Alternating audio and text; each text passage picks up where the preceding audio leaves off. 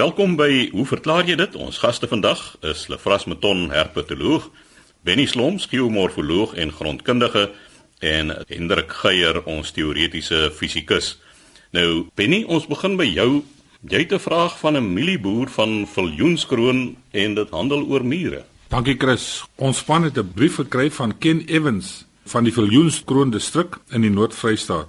Hy sê as volg: Ons het omgeswaai na geen bewerking op lande wat vir die laaste 100 jaar geploeg was. Ek het nou opgelet dat daar mure en muursope in die lande begin verskyn waar daar voorheen geen mure was nie. Hy wil die volgende weet: Eerstens, waar kom hulle vandaan? Het hulle gevlieg tot hier of was hulle maar altyd daar gewees in die omgewing? Nou voor ek daardie drie vrae beantwoord ken, wil ek net 'n bietjie uitklaar met jou hier waar jy sê geen bewerking vind plaas op die lande nie. Ek vermoed jy gebruik die verkeerde woord daarso. Ons praat van minimum bewerking want op een of ander manier moet jy tog die saad in die grond inkry. Normaalweg wat gebeur met hierdie minimum bewerking is dat die boer swaai om van skaarploeg om sy gronde om te ploeg, al die organiese materiaal na benede te verplaas en met minimum bewerking word hoofsaaklik van tandimplemente gebruik gemaak.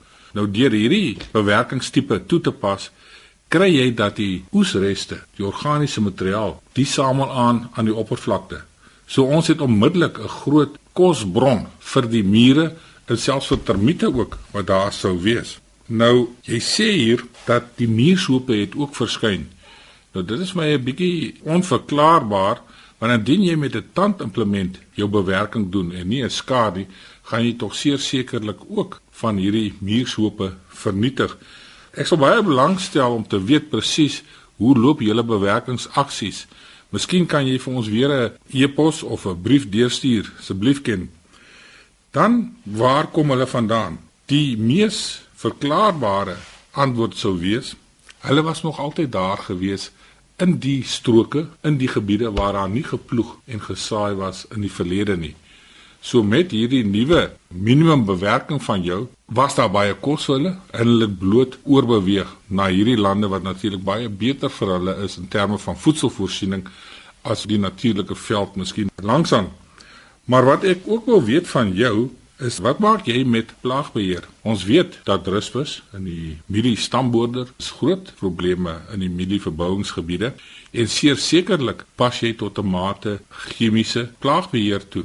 So doen jy dit en indien jy insekdoders sou spuit sal dit definitief ook die mure affekteer. So ek vermoed jy het 'n ander stelsel wat jy doen om die plaag te beheer by jou mielies. Vlieg Mure vlieg net op 'n sekere stadium van hulle lewensiklus en uh, dan is dit met 'n ander doel hoekom hulle vlieg. Dit gaan oor die bevrugting van die wyfie daar in die lug. So ek dink hulle het bloot net gemigreer van die dele waar hulle voorgekom het tot hierso in jou nuwe mielielande waar jy minimum bewerking toepas. Wennie, ek wil net weet aanvanklik as daar sê geen bewerking, is daar moontlikheid dat daar glad niks meer gedoen word op die grond nie, dat dit nou net daar braak lê? Is dit 'n moontlikheid? La Fras nee jy moet tog die putte in die grond inkry, né? En ook die kunsmis daar waar jy plant. Kyk, die hele konsep van minimumwerking word vry toegepas hierson in die Suid-Kaap ook, waar jy tande gebruik in plaas van 'n skaar. Daar bestaan nie so iets soos geen bewerking nie. Geen bewerking beteken geen boerdery nie. Ek het nou maar net gedink dalk is dit 'n stuk grond wat nou glad nie meer gebruik word nie, dat hulle nou opgebou het om dit te bewerk. Nee, hy sê hier pertinent Hierdie stuk grond was vir die afgelope 100 jaar was hy geploeg gewees en toe hulle omgeskakel na die nuwe stelsel van mielieverbouing. Benny, wat is die voordele wat hierdie minimum bewerking inhou? Die oesreste wat aan die oppervlakte bly lê, het baie voordele. Eerstens, dit verhoed dat jou grond kos aan die oppervlakte verdig. Jy kry 'n tipe van 'n mulch. Ek gebruik nou die Engelse woord sodat almal verstaan en dit verhoog ook jou vogeienskappe van die grond want die verdamping kapillêre stygings en verdamping word ook verminder deur die oppervlakbedekking wat jy het en die raad het ek nou al baie kere op hierdie program vir luisteraars gegee. Indien jy organiese materiaal het wat jy wil inwerk by jou beddings by die huistuine moet dit nie inspit nie. Gooi dit bloot aan die oppervlakte en laat dit daar lê. Erdwurms en ander mikroorganismes sal in elk geval daardie goed na benede vat in die grond en jy het 'n baie beter oppervlak toestand in terme van waterindringing, waterbewaring ensovoorts wat jy daar skep. En daarbey seker natuurlik ook die ekonomiese voordeel van die minimumbewerking, diesel wat ook al gebruik word. Dit is so Chris. So gesels Benny Slomps, ons grondkundige en geomorfoloog. Volgende aan die woord, Hendrik Geier, teoretiese fisikus. En Hendrik, jy gaan gesels oor die SKA projek daar in Karnavon se omgewing. Ja, dankie Chris. Ek skuld nog vir mevrou Joey Strydom van Lindley wat 'n uh, rukkie gelede aan ons 'n paar vrae gestuur het 'n antwoord hierop.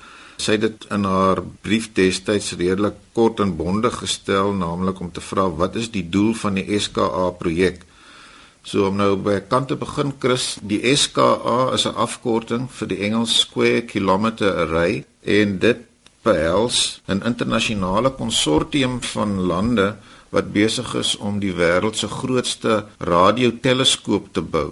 Nou, miskien nuttig om net die luisteraars daaraan te herinner dat al die inligting wat ons insamel uit die buitenste ruim word gedoen by wyse van die analise van verskillende dele van die elektromagnetiese spektrum. Daar's die bekende sigbare lig in die nanometer golflengte bereik Maar dan is daar ander dele van die elektromagnetiese spektrum in die besonder dan radiogolwe wat ook syne en inligting van buite sonnestelsel en buite ons melkwegstelsel streke na ons toe oordra en dit is spesifiek gemik daarop om radiogolwe en ek herinner die luisteraars hier praat ons van golwe waarvan die golflengte enige iets van 'n millimeter tot omtrent 100 km kan wees.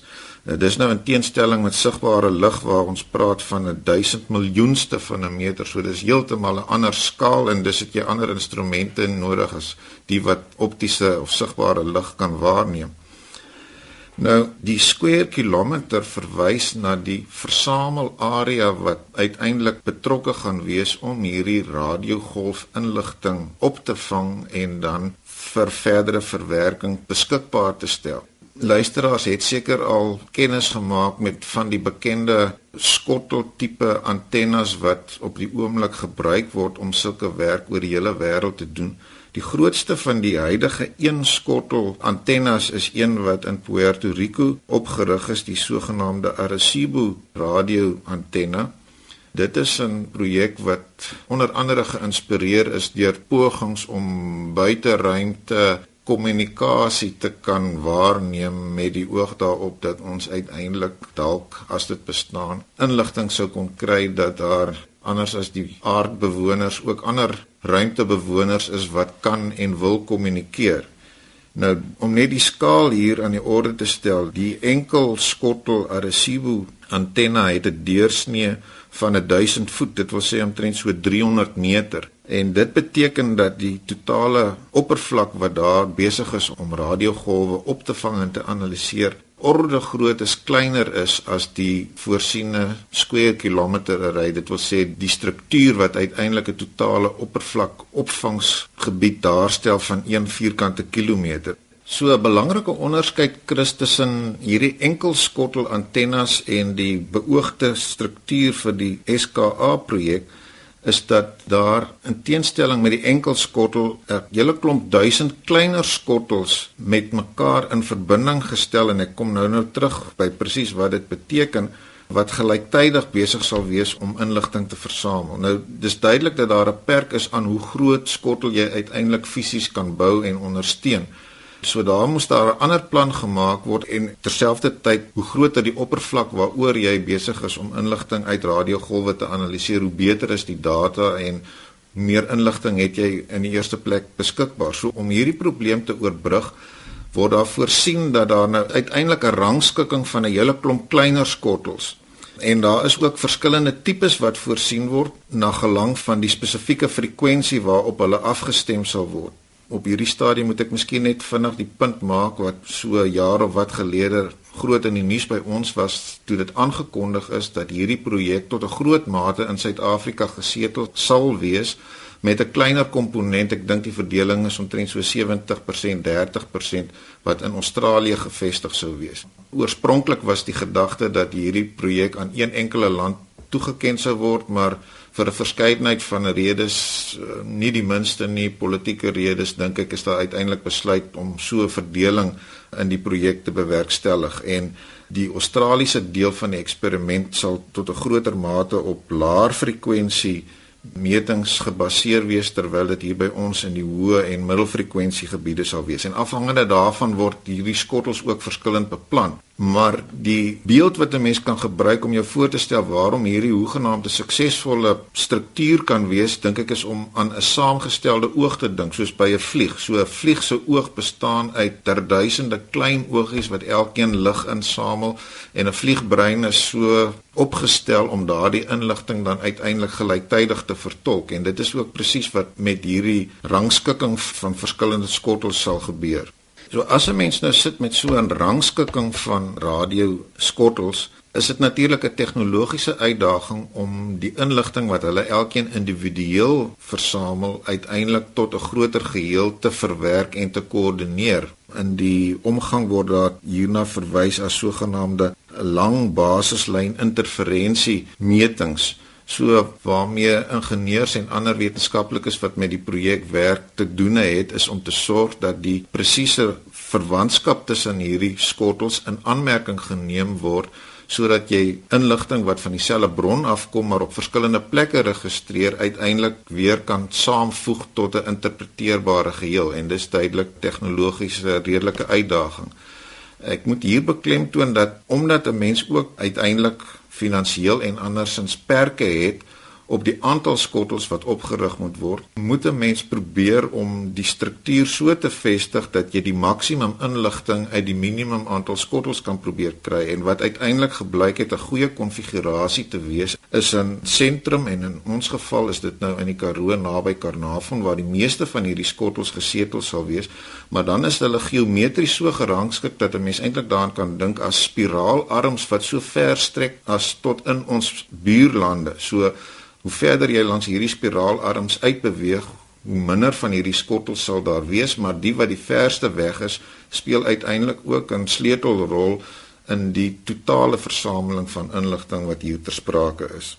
Om net 'n idee te gee van die hoeveelheid data wat uiteindelik versamel moet word, Christine mens syfers soos die volgende, naamlik dat as hierdie hele projek uiteindelik volledig operasioneel is, dit is hier teen die jaar 2020 ongeveer, dan sal daar per dag meer data ingesamel word as wat daar op die oomblik jaarliks deur die internet beweeg. So dit is 'n enorme uitdaging om net eenvoudig daai data te versamel, te koördineer en uiteindelik te analiseer.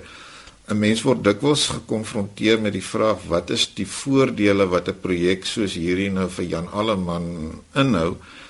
En ek dink een van die beste antwoorde wat 'n mens hiervoor kan gee is dat baie van die tegnologiese ontwikkelinge wat ons waargeneem het of meegemaak het ook meer onlangs het almal berus op uitdagings om meer vinniger en betroubaarder data te kan bymekaar maak, analiseer en kommunikeer. En een van die beste voorbeelde hiervan is die internet self. Ons het al 'n slag op die program daaroor gepraat dat dit eintlik geïnspireer is deur 'n behoefte van wetenskaplikes fisici wat by CERN gewerk het en die nodigheid gevind het om groot hoeveelhede data van hulle eksperimente daar insluitende nie toe nie maar deesdae die groot hadron versneller om daardie soort data wêreldwyd beskikbaar te stel en te kan analiseer. So die internet het gegroei uit daardie behoefte en 'n mens kan nie voorspel presies wat die effek gaan wees van hopelik 'n suksesvolle hantering van hierdie enorme hoeveelhede data nie, maar dit is eintlik voorspelbaar dat daar wel uiteindelik ook tegnologiese voordele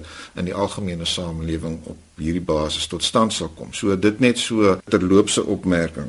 So om net weer terug te kom tot by die organisasie self, die SKA organisasie se hoofkwartier sit by Jodrell Bank. Dit is 'n ou gevestigde observatorium in die Verenigde Koninkryk naby Manchester en daar's 'n hele klompie lande wat aan hierdie konsortium deelneem, insluitende natuurlik Suid-Afrika, Australië en dan Kanada, China, Duitsland wat ek dink onlangs aangedui het dat hulle gaan onttrek aan die projek Italië, Nieu-Seeland, Swede, die Nederland en dan die Verenigde Koninkryk. Soos jy jou kan indink is die finansiering van so 'n enorme projek natuurlik ook nie iets wat vandag een af vir almal presies duidelik en uitgespel is nie. So dit is tot 'n groot mate ook op die hoop gebou dat al hoe meer lande die voordeel van hierdie projek sal insien en bereid sal wees om dit te ondersteun.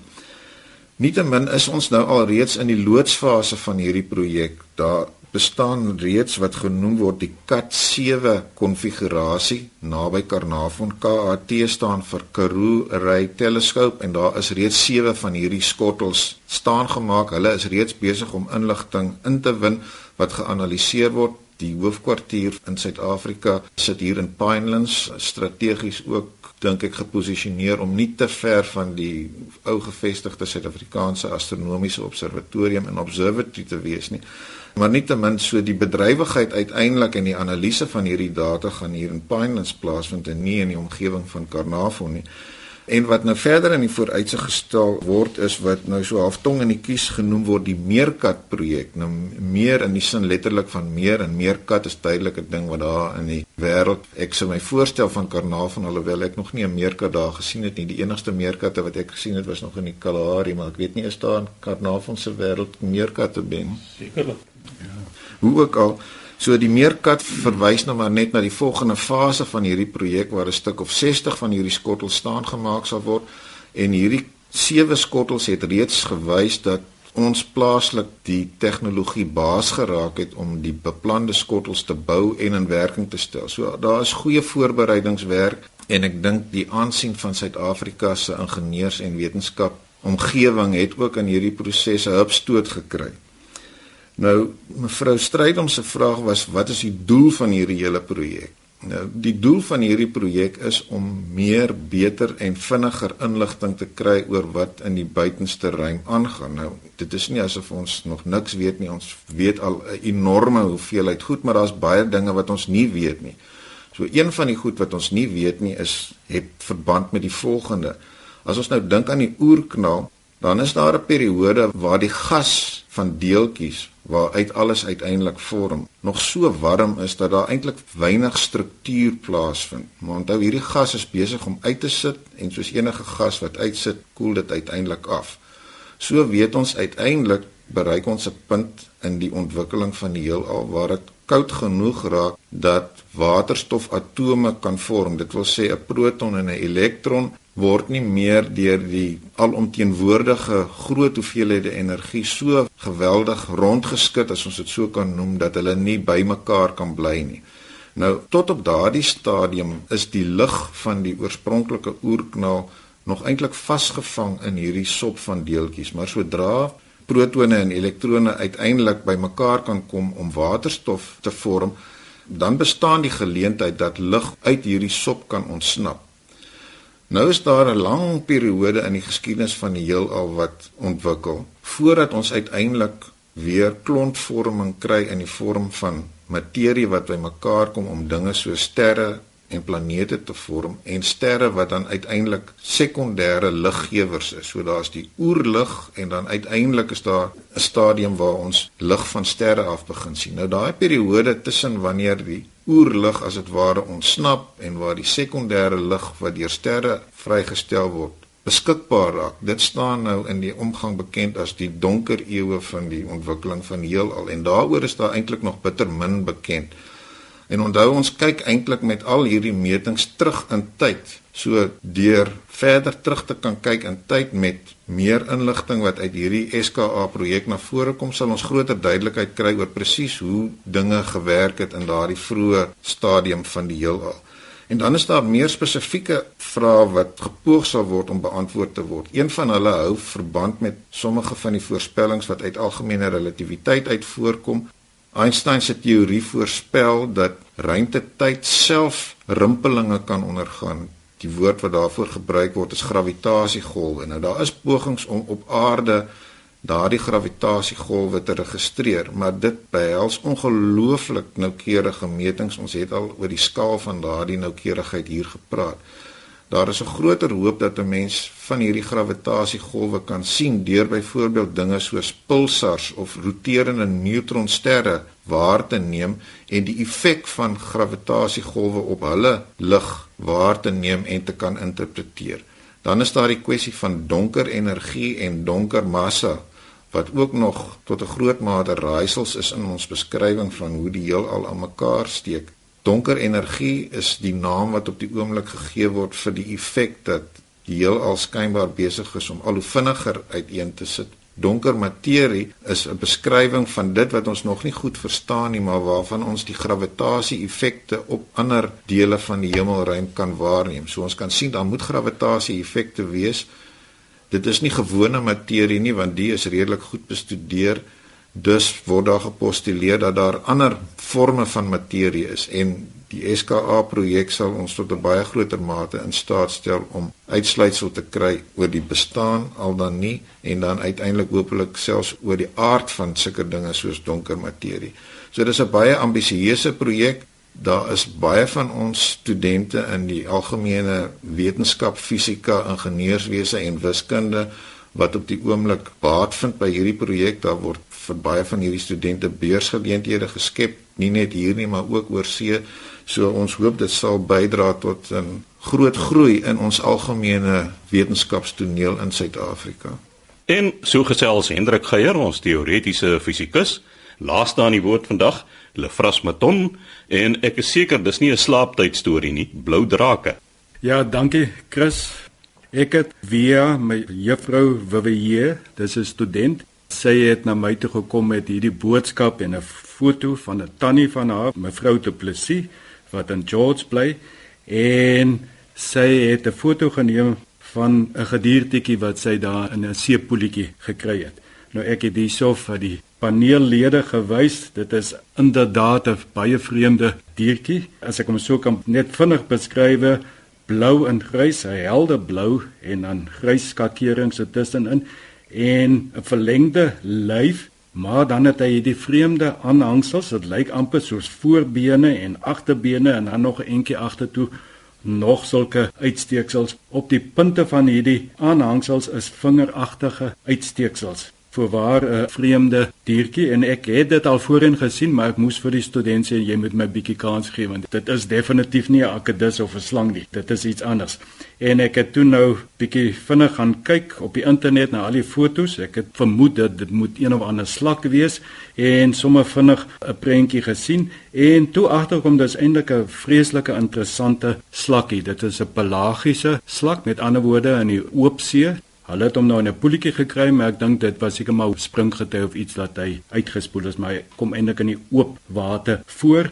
En wat so interessant is van hierdie slakkie, sy naam is Glaucus atlanticus, kom wyd versprei voor in die oseane en dan ook hierso by ons teen die suidkus en die ooskus. Wat interessant is, hy is 'n predatoriese slakkie. Hy eet 'n uh, verskeidenheid van ander diertjies onder andere bloublaasies.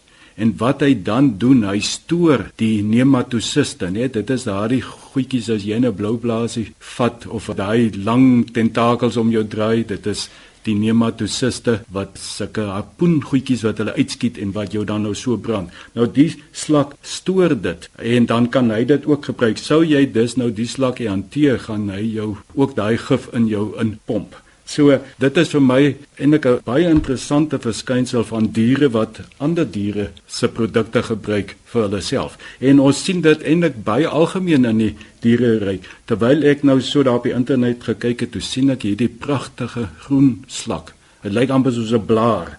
En ek lees toe so 'n bietjie op daarse oor die slak en so waar dit is 'n slak wat dan nou alge eet. Dit kom nou meer in 'n integriteit sone voor hierdie slakkie. Hy eet hierdie alge.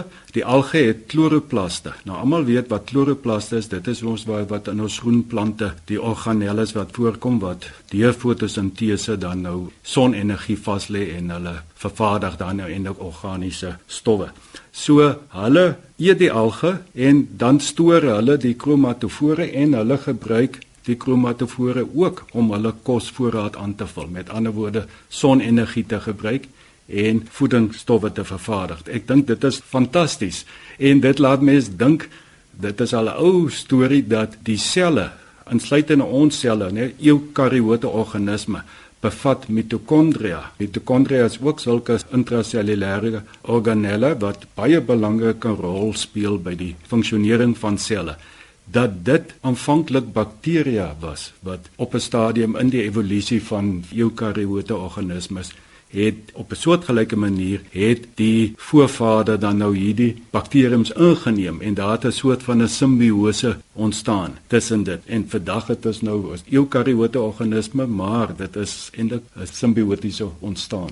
Lafras daai blou slakkie van jou se kleur lyk vir my dan baie soos 'n blou blaasie se kleur. Het dit enigsins te maak met die feit dat hy nou van die goed vreet?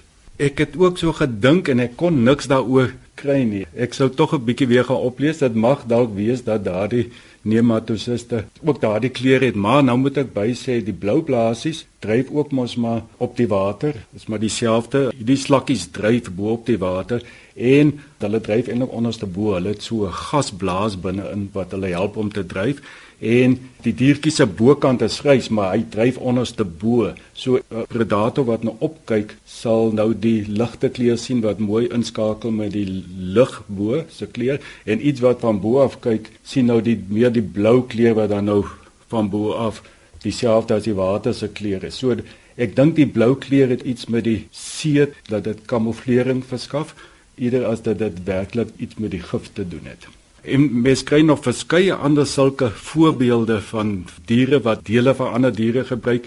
Die gifpylpaddas kry hulle gif van mure af. Baie giftige springkane kry hulle gif uit die plante uit. Ja, ek dink dit is 'n voorware wonderlike voorbeeld hierdie slakkie wat mevrou Du Plessis daar gesien het van diere wat op ander diere se produkte staat maak om te oorleef.